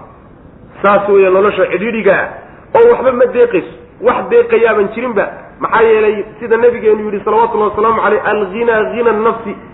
Hodantinimo sideeduba waxa weeye waa ilaahay oo qalbigaaga qanciyo wey qalbiga iyo ruuxda oo ibni aadamka qeybta ugu muhiimsan ee hogaamisa ana sidiisaba digriga ilaahay baa dherjiya oo ku-xidhnaanta ilaahay bay ku dheregtaa oo isagay ku xasishaa oy ku degtaa oy ku raaxaysataa. Taa hadday weydo wax kaloo deeqi kara maba jiraba wax kasta u keen adugu ma deeqi karo. Waxaad ka dhigan tahay adigoo gaajaysan oo ooman oo sakaraad ah oo geed qoryihii intaad soo gurato waan cuni laho naftii cun lahoo doonaya inay deeqdo oy gaajaduna kaga baxdo oonkuna kaga baxdo. Miyay ka bixi? Geed qoryo yani waxa weye ingeganood soo meeshan ka soo qaadqaaday miyaad oon iyo gaajo kaa saari? Abadan.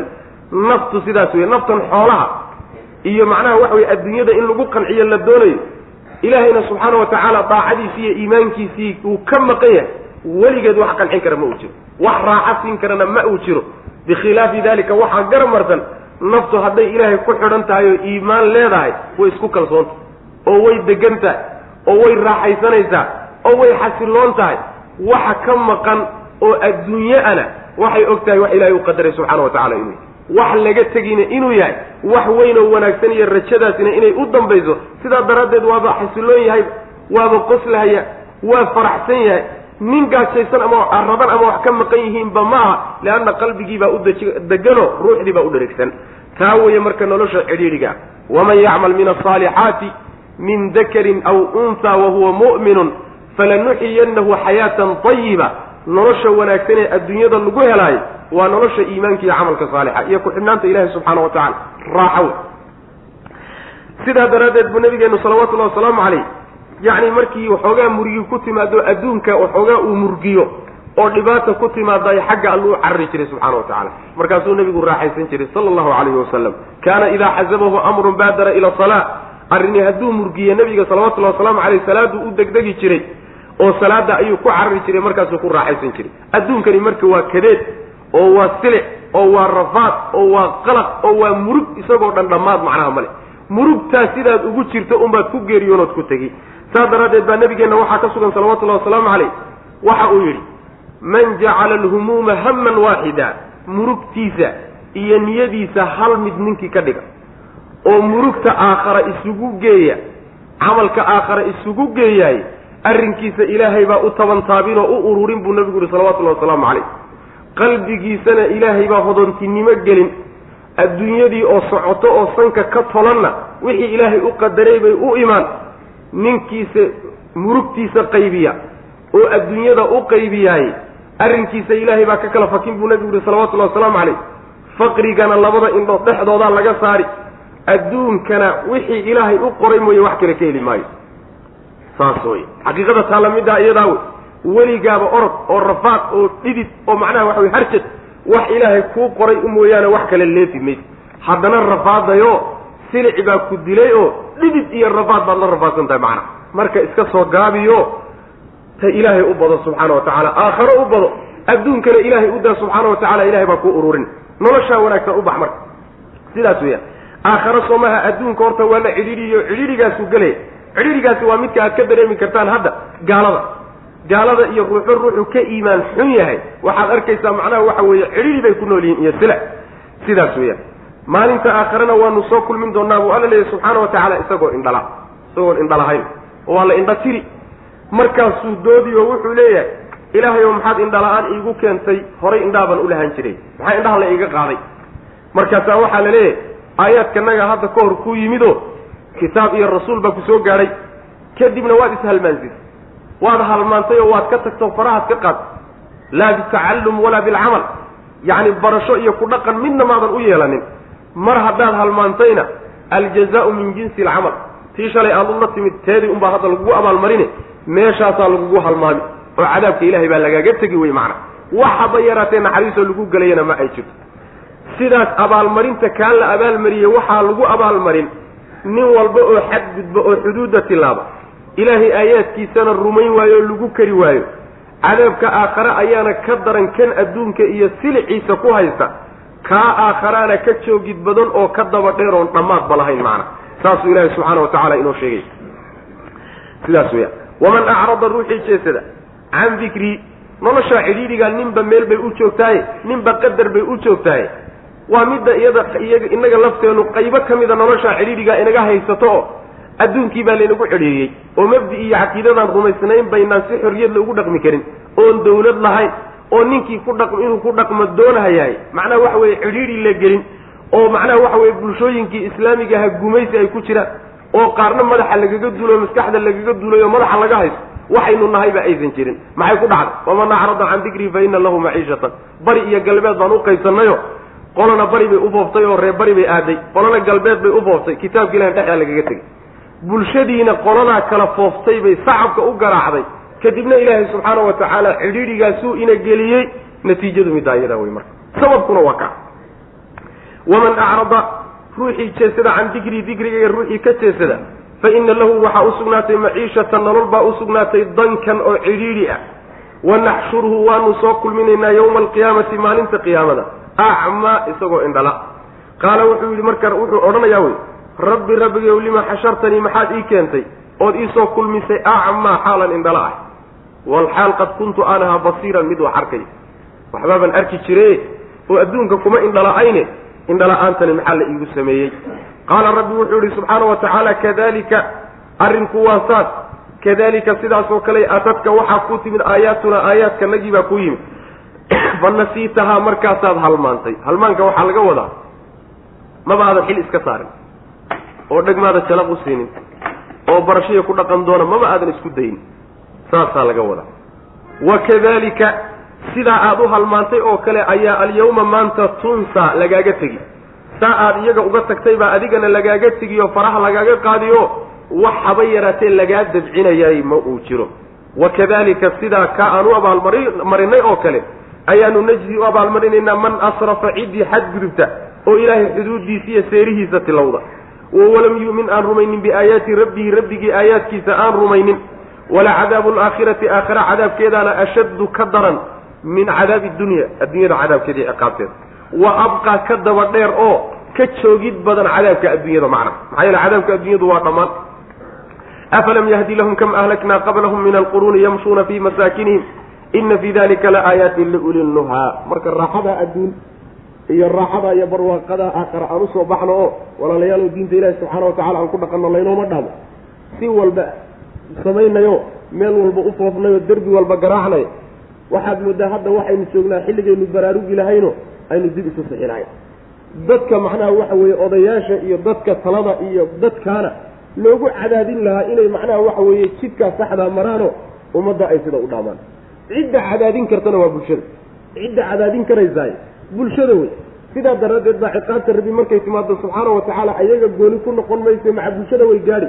Bulshadu awood bay marka leedahayo cidda iyaga ama baadida ku taageeraysa iyo xumaanta ama haddii ay ka ka macnaha ka goosato ay dayn karaan waa bulshada marka waxa weeye sidaa laysu dhaamo mujrimiinta la kala taageeraayo iyo dadkan kadaata ummadda burburiyey ee lala kala safan yahay ilaahay inta laga cabsado subxaanahu wa tacaala cidhiidhiga kuwa ina geliye waa kuwa iyo kuwa la mide. Laga cabsado subxaanahu wa tacala oo diintiisa lagu dhaqmo afalam yahdi lahum? Miyaysan u cadaanin buu alla leeyahy subxaana wa tacaala kam inta kam badnaa kam inta ahlaknaa aan halaagnay qablahum hortood oo min alqur'uuni min alquruuni ummada. Ah yacni ummado fara badan hortood inaan halaagnay in miyayna u cadaanin ummadahaasoo yamshuuna ay soconayaan fii masaakinihim meelahay deganaayeen inna fii dalika arrinkaa dhexdiisa waxaa ku sugan la aayaatin astaamo waaweyn liilunnuhaa inta caqliga leh ayay ugu sugan macnaheedu waxa weeye ummadihii idinka horreeyey maad kuwaana qaadataan oy tusaale idiin noqdaan ummado horoo fara badan oo iyaga ka horreeyey waa kuwii nebiga salawatullahi wasalaamu calayhi la dagaalamayey ee kuwa ka dhashay iyo kuwa kaleba lahaa. War ummado fara badan oo idinka horreeyey in la halaagay soo arrinkaasi nimanka uma caddaanin. Wixii kuwa lagu halaagayna maanta ay soo gacmaha kulama jiraan. Allihii halaagay ee kuwan baabi'iyeyna soo ma joogo. Nebigiina kuwii hore nebiyey la dagaalameene nebigiisiina soo waxay la dagaalamayaan maa? War nimanku soo niman caqliloo wax qaata maa? Oo waana qaata haddana isla markaa kuwii hore la halaagayey meeshay deganaan jireen iyo deegaankoodii kama fogee had iyo habeenba way sii maraan oo soo maraan. Ilaa waxa way qawmu nuur iyo reer tamuud iyo qolyahan la halaagaye shaam iyo jaziire unbay udhexeeyeen yeman iyo macnaha shaam iyo jaziiradda qaybo ka mid oo tabuuq iyo dhulkan la soo gaadhaa unbaa ummadaha intoodii badnaa lagu halaagay. Dhulkaa wey dhulka waa dhulka ay sii maraan oo soo maraanoo ay yaqaanaan wey war waa degantihiin raadkoodiina waa idiinsii muuqdaa lagu halaagay war nimayow soo wax idiinma caddaanin arrinkaasi oo ummadihii hore la halaagay ah waxaa ku sugan astaan iyo calaamo weyn oo qudrada ilaahay iyo awooddiisa ku tusi dadka caqliga lebayse ugu sugan tahay macana inta caqliga laga qaaday ee waxba aan garanaynin ee gaalada ugu horraysa kuwaas waxba ku qaadan maaya afalam yahdi sooma cadaanin lahum iyaga? Kam in badan ahlaknaa inaan halaagnay qablahum hortood oo min alquruuni ummada ummado fara badan hortood inaan halaagnay soo uma cadaanin ummadahaasoo yamshuuna ay soconayaan. Fii masaakinihim meelahay degi jireen iyo deegaamadoodii ay ku soconayaan.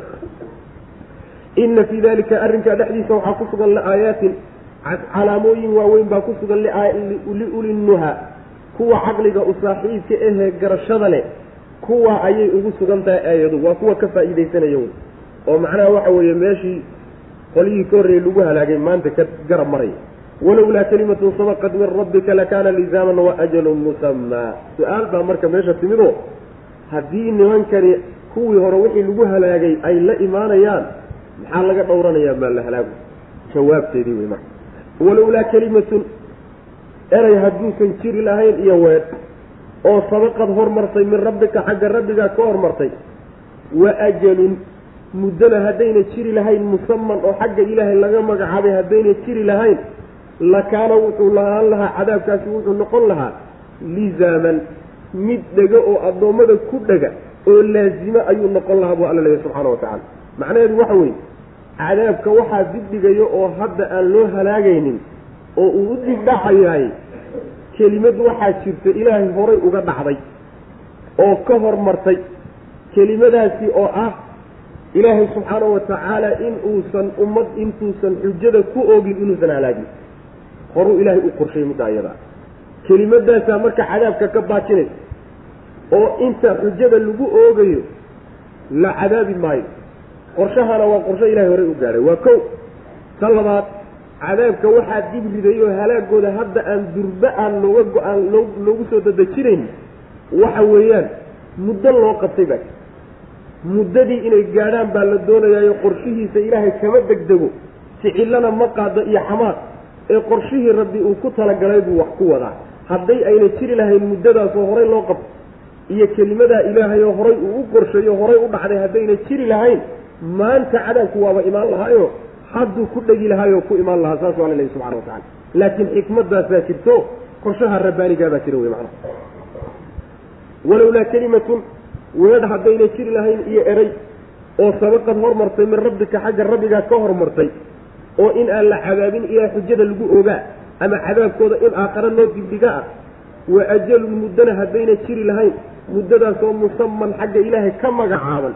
Labadaa arrimood haddayna jiri lahayn oo cadaabka dhigdhigaya lakaana wuxuu ahaan lahaa cadaabku lisaaman mid laazimo oo ku dhega addoommada ayuu noqon lahaa macna fasbir calaa maa yaquuluuna wasabix bixamdi rabbika qabla طuluuci الshamsi waqabla guruubiha wamin aanaaءi اlleyli fasabbix waaطraafa الnahaari lacalaka tardaa fasbir sabir nabiga calaa maa yaquuluuna waxa ay leeyihiin ku sabir u dulqaado wasabbix tasbiixso oo tuko bixamdi rabbika rabbiga adoo mahadinaya tuko qabla طuluuci الshamsi qoraxdu intaysan soo bixin wa qabla guruubihaa intayna dhicin wa min aanaa'i alleyli habeenka saacadihiisa qaar ka midana tuko.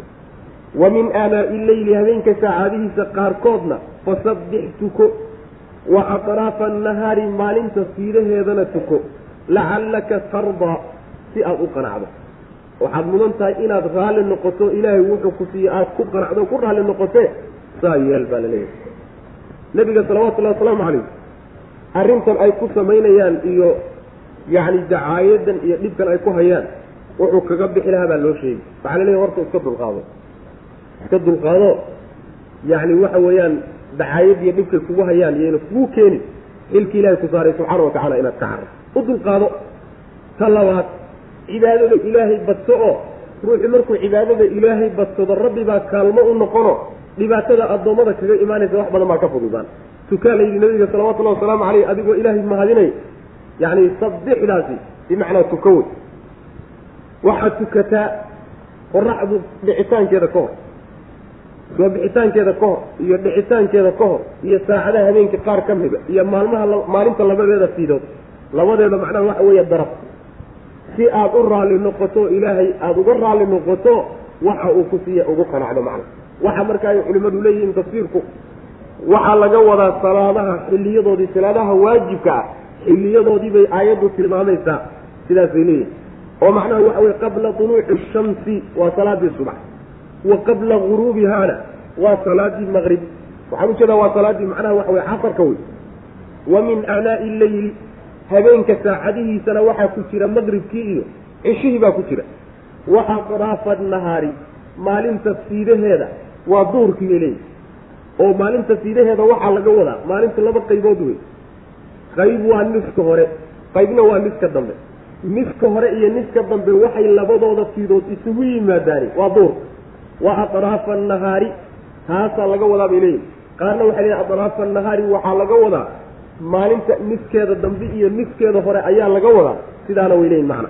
Laakiin intaa la yidhahdo duhurka laga dhigaad moodaa inay saacad si xilliyadii salaada oo dhan looga dhigo aayaddu inay wada sheegtay oy ugu soo wada galaan macna nabiga salawatullahi wasalaamu caleyh xadiis baa ka sugan oo uu leeyahay ruuxii awooda in aan looga adkaanin oo shaydaan iyo nafi aynan uga adkaanin salaad oo ka horeysa qoraxda soo bixitaankeeda iyo salaada ka horeysa qoraxda dhicitaankeeda ha sameeya buu nabigu yihi salawatullahi wasalaamu caleyh markaasuu aayaddan akriyey waa waxyaalaha kutusaya aayaddu inay ka hadlayso salaadaha inay ka hadlayso. Xadiis noocaasa jira macna fasbir sabir nebiga u adkayso calaa maa yaquuluuna waxa ay leeyihiin u adkayso oo hadalkay kugu leeyihiin iyo dacaayadooda isaga dulqaado.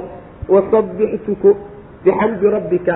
Tasbiix waxaa looga cabirayaa tasbiixdu waa qeyb salaadaha qaybaheeda ka mid. Salaadaha qeyb ka mida shaygana sidiisaba luqada carabiga qaybihiisa qeyb ka mida waa lagu magacaabi karaa.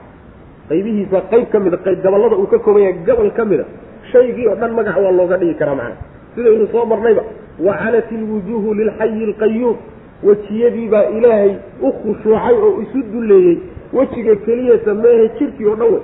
Laakiin jidhkiibaa wejiga magiciisii la siiyey oo qeyb ka mid a macna sidaas weya fasabbix tasbiixso oo tuko. Nebiga wasabbix tuko.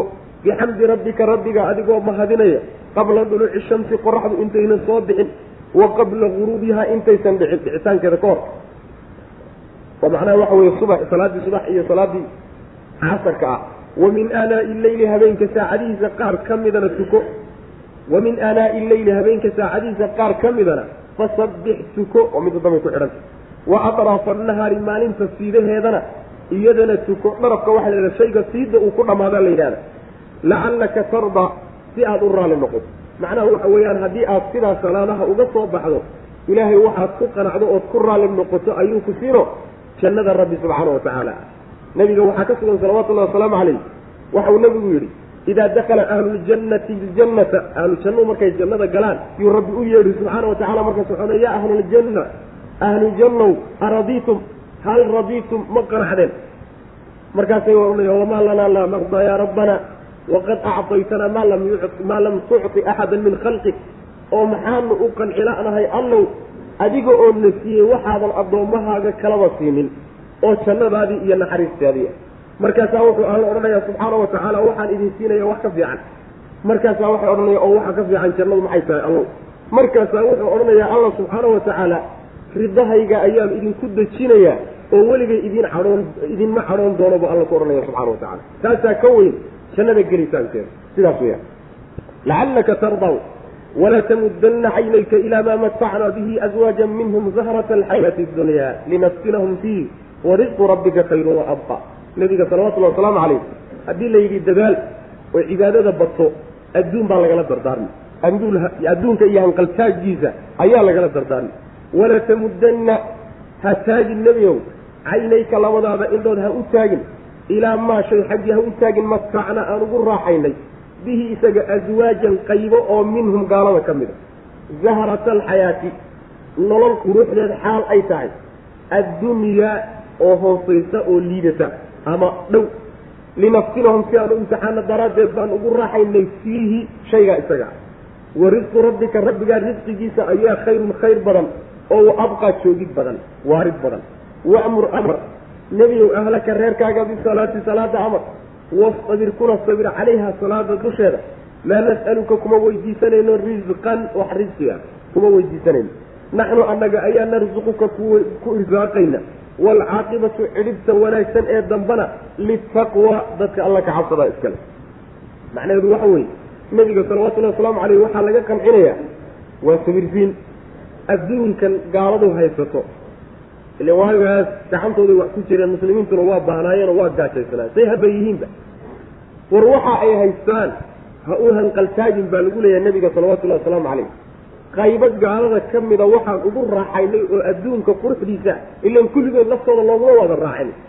Oo qaar baa macnaha caliyada daadinahayo derbiyada jiftiifa gaalaha oo macnaha waxa weye aan waxba haysanin. Aswaajan minhu qaar ka mida unbaa la siiyey. Waxaa qaar ka mida la siiyey oo adduun iyo quruxdii ah nebiyow ha uun hanqaltaagin waxaa loo siiyey uun in lagu imtixaamay jacayl la jecel yahay ma aha. Risqiga ilaahay risqiga rabbiga iyo masruufka uu ku siinayo ee uu meel kuu dhigay baa ka fiican kay haystaan. Kaa aakhare ee uu ilaahay ku siin doonaana ka joogid badan oo ka waarid badan midka ayagu ay haystaanoo wax dhammaanaya wey. Waajibaadka diiniga ah in reerka iyo macnaha xaaska iyo carruurta iyo in la faro yacni yaa ayuha aladiina aamanuu quu anfusakum wa ahliikum naara. Reerkiina iyo naftiina iyo carruurtiina naar uga diga oo ka ilaaliya bu alla subxana wa tacala waa waajib waalidiinta raac saarano odayaasha iyo aabbo iyo macnaha waxa weeyaan waalidiinta iyo dadka guryaha mas'uuliyiinta ka ee ragga yaa xil wuxuu ka saaran yahay haweenkiisa iyo carruurtiisa inuu diinta ilaahi subxaana wa tacala ku toosiy waana waajib laysweydiin doono wey. Kuna sabir baa la leeyahay nabiga salawatullahi wasalaamu caleyh salaada dusheeda naftu ma jecla shaydaanna ma jecla adduun iyo nin aadayna ma jecla. Sidaa daraaddeed adkaysi way u baahan tahay nafta ku layli salaada risqi ku weydiisan mayna bu alla leh subxana wa tacala oo macnaha wax masruufa kaama rabno. Masruufkaaga annagaa ballan qaadnay oo meel dhignay. Sidii ilaahay kuugu talagalay buuna kuu soo gaadhi. Marka ha ka welwelinkaa annagaa ku irsaaqayna. Cidhibta dambe iyo guusha dambena dadka ilaahay ka cabsada ayaa iskale buu alla leeyahy subxaana wa tacaala walaa tamudanna ha hanqaltaagin nebiyow. Oo ha taagin caynaaka caynayka labadaada indhood. Ilaa maa shay ha u taagin. Matacna aan ugu raaxaynay bihi isaga. Aswaajan qaybo oo minhum gaalada ka mid. Gaalada qaar ka mida loogu raaxeeyey zahrata alxayaati. Nolosha quruxdeeda xaal ay tahay. Addunyaa ee liidata. Noloshan liidata ayaa lagu qurxiyey. Waxaan iyaga la siiyey. Linafsinahum si aan u imtixaano fiihi. Kaa la siiyey si loogu imtixaano bal loo fiiriyo loo tijaabiyo koodii bal ilaahay ilaahaygii siiyey ku aqoonsada iyo koodii habaaba oo luma bal in la kala ogaado oo la kala saaro yaa loogu talagalay. Wa risqu rabbika rabbigaa risqigiisa ayaa khayrun ka khayr badan waxa ay haystaan oo wa abqaa ka waarid badan oo ka joogid badan. Risqigu waa ka jannada ilaahay subxaana wa tacala uu nabigiisa ku siinayo. Marka nebigeenna salawaatullahi wasalaamu caleyh hanqaltaa kumaba jirin oo isagoo adduunye waaba ka qancaye laakiin dadka hadalku u dhacaya innaga wey. Innaga weeyaan war waxaas dadka gacantooda ku jiraayey diintiinna iyo aakhiradiinna yuusan idin dhaafinin oo intaad hunguriga hanqalka sii taagaysaan yacni waxa weeye dawga ka sokaya ha ku dhicina saasaa laydin leeyahy macana waa midda maanta ina haysato wey. Diintii baa waxaa loo iibsanaya oo la siisanahaya waxoogaa macnaha waxa weeye dollaro aan la garanaynin talo ma la calfan doonaa mise waa la calfan la kala garan maayo miyaa la calfan mise la calfan maayo? Aan la garanaynin baa diinta dhan inta looga tillaabsado ayaa waxaa macnaha waxa weeye la doonayaa xalaal miya mise xaaraam wey laisweydiin maayo. Wax alla waxaan ku cuninba waa la cunaa. Wax alla waxaan ku cuninba waa la cunaa. Amin xalaalin am min xaraam. Xalaal ha ka yimaado ama xaaraam ha ka yimaado. Diintaada xataad xataad ka tegayso ood caqiidadaada ka baxayso yacni waxa weye adduunye uun seed ku gaadhaa halkaasi hadda taaganta qolyaha markaa hanqaltaagaya ee hunguriguu la tegay ee adduunye iyo quruxdeed jiidatay war inaga weye ka soo hadha saasaa wa qaluu lawlaa ya'tiina biaayatin min rabbihi awalam ta'tihim bayinatu ma fi suxufi luulaa wa qaaluu waxay yidhahdeen lawlaa ya'tiina muu noo keeno maxamed biaayatin aayad muu noo keeno mucjizo. Min rabbii xagga rabbigii muu nooga keeno. Awalam ta'tihim soo uma imaanin. Bayinatu maa shay caddayntiisoo uma imaanin. Fi suxufi waraaqihii ku yaalay aluulaa ee horreysay. Waraaqihii hore wixii ku yaalay caddaantii caddayntiisii soo uma imaanin. Walow annaa anagu ahlaknaahum haddii aanu halaagi lahayn bicadaabin cadaab haddaanu ku halaagi lahayn min qablihi nebiga hortii intaan nebiga la soo dirin haddaanu cadaab ku halaagi lahayn laqaaluu waxay odhan lahaayeen rabbanaa rabbiga now lawlaa arsalta hallaa arsalta maad noo soo dirtid? Ilaynaa xagganaga rasuulan rasuul maxaad noogu soo diri wey oo fa natabica aanan raacno marka aayaatika aayaadkaaga min qabli an nadilla intaanaan dulloobin oo wanakzaa aanaan darxumoonin. Darxumo iyo dulli intaysan nagu dhicin maxaad rasuul noogu soo diri weyda aayaadkaaga aanu raacayn saasay odhan lahaayeen haddii aanu cadaabi lahayn intaanaan nebi maxamed soo dirin salawatullahi waslamu caleyh saasuu rabbi ilahi subxana wa tacala macnaheedu waxa weye aayadda hore wa qaaluu lawlaa ya'tiina biaayatin min rabbi waxay nebiga ku xujaynayaan mucjizo noo keen mucjizo nebigu waa la yimide laakiin mucjizaday doonahayaan baa waxay tahay ushii nebiyullaahi muusa oo kale iyo hashii nebiyullaahi saalex oo kale iyo gacantii nebiyullaahi muuse iyo waxyaalihii nooca ahaa bay doonayaan waxaa noo keen bay yidhahdeen. Waxaa noo keeno. Markaasaa ilaahay wuxuu ku yidhi subxaana wa tacaala suxuftii iyo waraaqihii hore ee rusushii hore la yimaadeen caddayntoodii soo muusan ula imaaninoo uma keenin. Mucjizada ka weyne taas ka weyne xaggay ka imaan isagoo ummi ah oon waxba ka baranin oon weligii waxba akrisanin oon far qori karin oon waxba akrin karayn waraaqihii hore iyo kutubtii hore wixii ku yaallay caddayntoodii inuu u keenay bal mucjizada ka weynay raadinayeen maxay awalam yakfihim ana anzalnaa calayka alkitaaba yutla calayh. Taasoo kaleeto way macana soo kuma filla oo aayad iyo mucjizad uguma filla. Kitaabkan ilaahay nebi maxamed ku soo dejiyey salawatullahi wasalaamu caleyh isagoo taariikhdiisa ay yaqaanaan kitaabkaasoo dushooda lagu akrinayo mucjizada ka weyni maxay tahay? Nabigeenna salawatullahi wasalaamu caleyh waa ka xadiis saxiixa ku odhanaya nebi walba ilaahay aayad ummad qancisa waa siiyey aayadda aniga uu ii dooraysa waxay noqotay buu nebigu yihi salawatullahi wasalaamu caleyh kitaabkaasuu noqday iyo waxyigiisa. Waxaana rajaynayaa buuhi inaan rususha oo dhan ka ugu raacid badan ee ugu dad badan inaan noqdo ayaan raje ka qabaa buu nabigu yihi salawatullahi wasalaamu caleyh wa ficlan sidaas wey waa mucjiza khaalida wey maxaa yeelay ushii nabiyullaahi muusa maanta taarikhdeedu ma taal. Warkeedii unbaa la hayaaye laakiin muuqaalkeedii lama hayo. Oo nabiyullaahi ciisa calayhi salaam mucjizaadkiisii isagay la tageen. Oo nabiyullaahi saalix calayhi salaam isagay raaceen laakiin nebi maxamed salawatullahi wasalaamu caleyh markuu geeriyooday mucjizadiisii wuu ka tegey oo waa khaalido wey ilaa qiyaami saacana waa khaalido wey saas wey maanaa saasay kaga marka miyayna ku wey suxufi luulaa waxaa laga wadaa kutubtii rusushii hore lagu soo dejiyey oo qur'aankani wuxuu caddaynaya wax alla wixii kutubtii hore ku qoraa. Wixii la khaldayna wuu saxaya wixii sax ana wuu u markhaati kacaya macnaha markaasaa ilaahi subxaana wa tacaala wuxuu yidhi haddii aanu kuwan cadaab ku soo dejin lahayn intaanaan nebi maxamed u soo dirin. Soo diriddiisa ka hor haddaanu halaagi lahayn oo cadaabi lahayn. Waxay odhan lahaayeen ilaahay ow maxaad sida noogu gashay?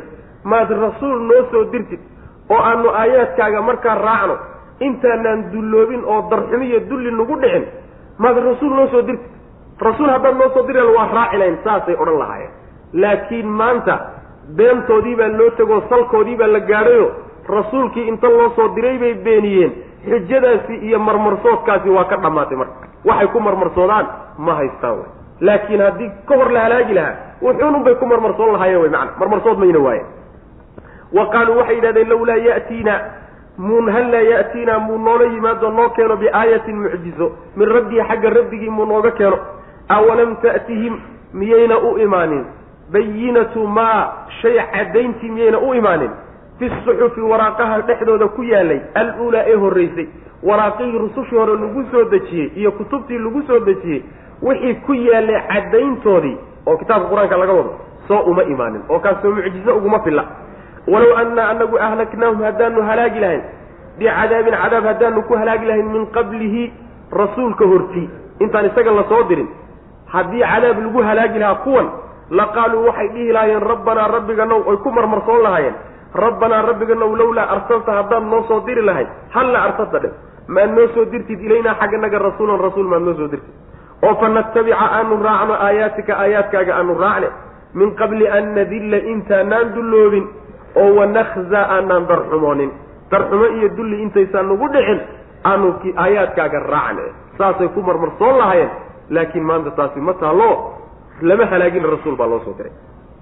Qul waxaad tidhahdaa nebiyow kullun mid walba oo annagii idinka naga midi ka midi mutarabbisun waa midkii sugaya wey. Bal idinkii annaga haynu ka war dhawrno wixii yimaad fatarabbasuu suga marka fasataclamuuna waad ogaan doontaan man asxaabu siraati jid dadkii kuwa ay yihiin jidkii assawiyi ee toosnaa waman ihtadaa cidda hanuunsan cidday tahayna waad ogaan doontaan. Macnaheedu waxa weeye meeshanaa geedka fooda laysugu hayaayo qoladanina qoladanay sugaysaayo alla maxaa ku dhici doona leyihin bal laga war dhawro qoladanina qoladanay sugahayaanoo waxay leeyihiin alla maxaa ku dhici doona bal ha laga war sugo aynu isu sugno. Bal aynu fiirino wa qolada wax ku dhacaan. Waxa suga waxaad ogaan doontaan dadka jidka toosan haya ee dadkiisii ah jidka toosan waa jidka ilaahay subxaana watacaala kutubtiisa iyo rusushiisa wey. Jidkaa bal dadka haya inaan annaga nahay inay idinka tihiin waa la kala ogaan doonaa goormaa la ogaan aakhare marka la tago oo xisaabta iyo xisaabta timaado maxkamad la fuulo waxaa kaloo la kala ogaani adduunkaba intaan laga tegin ninka ilaahay u hiiliyo oo guul gaadho oo adkaadana waa lagu ogaan isagan. Bal labadeennuba marka aan sugna marka maxay sugi? Ayagu waxay la sugi laba arrimood. Mid ka mid a muslimiinta la sugayaan qul hal tarabbasuuna bina ilaa ixda alxusnayeyn wey laba wan wanaagsan midood un baynala sugi in macnaha waxa weeye guul aan gaadhno adduunka ku guulaysano iyo tii aakharo oo kaba fiicanba inaan aadno labadaa un mid ka mid a wey laakiin iyaga maxaa lala sugi adduunka ilaahay inuu gacmaha muslimiinta ku cadaabo mid iyo kii aakharo. Labadaasa lala sugaya macnaha. Qul waxaad tidhahdaa nebiyow tara qul waxaad tidhahdaa kullun mid walba oo annagiyo idinka idinka ka mid ihi mutarabbisun midkii koranaya wey ka kaluu macnaha waxa weye sugayaayo bal wuxuu ka dambe ku dambeeyuu ka war dhawraya ee fatarabbasuu sugadhe oo ka war dhawra fasataclamuuna waad ogaan doontaan man asxaabu siraati jid dadkii kuwa ay yihiin jidkii asawiyi ee toosnaa jidka toosan dadka haya kuwa ay yihiin baad ogaan doontaan ma annagaa mise idinka? Waman ciddana waad ogaan doontaan ihtadaa hanuunay. Inaanu annaga nahayo inaan idinka yihiin oo jidka ilahay ku toosay subxaana wa tacala wallahu aclam. Wsala allahuma waslama cala nabiyina muxamedin wala ali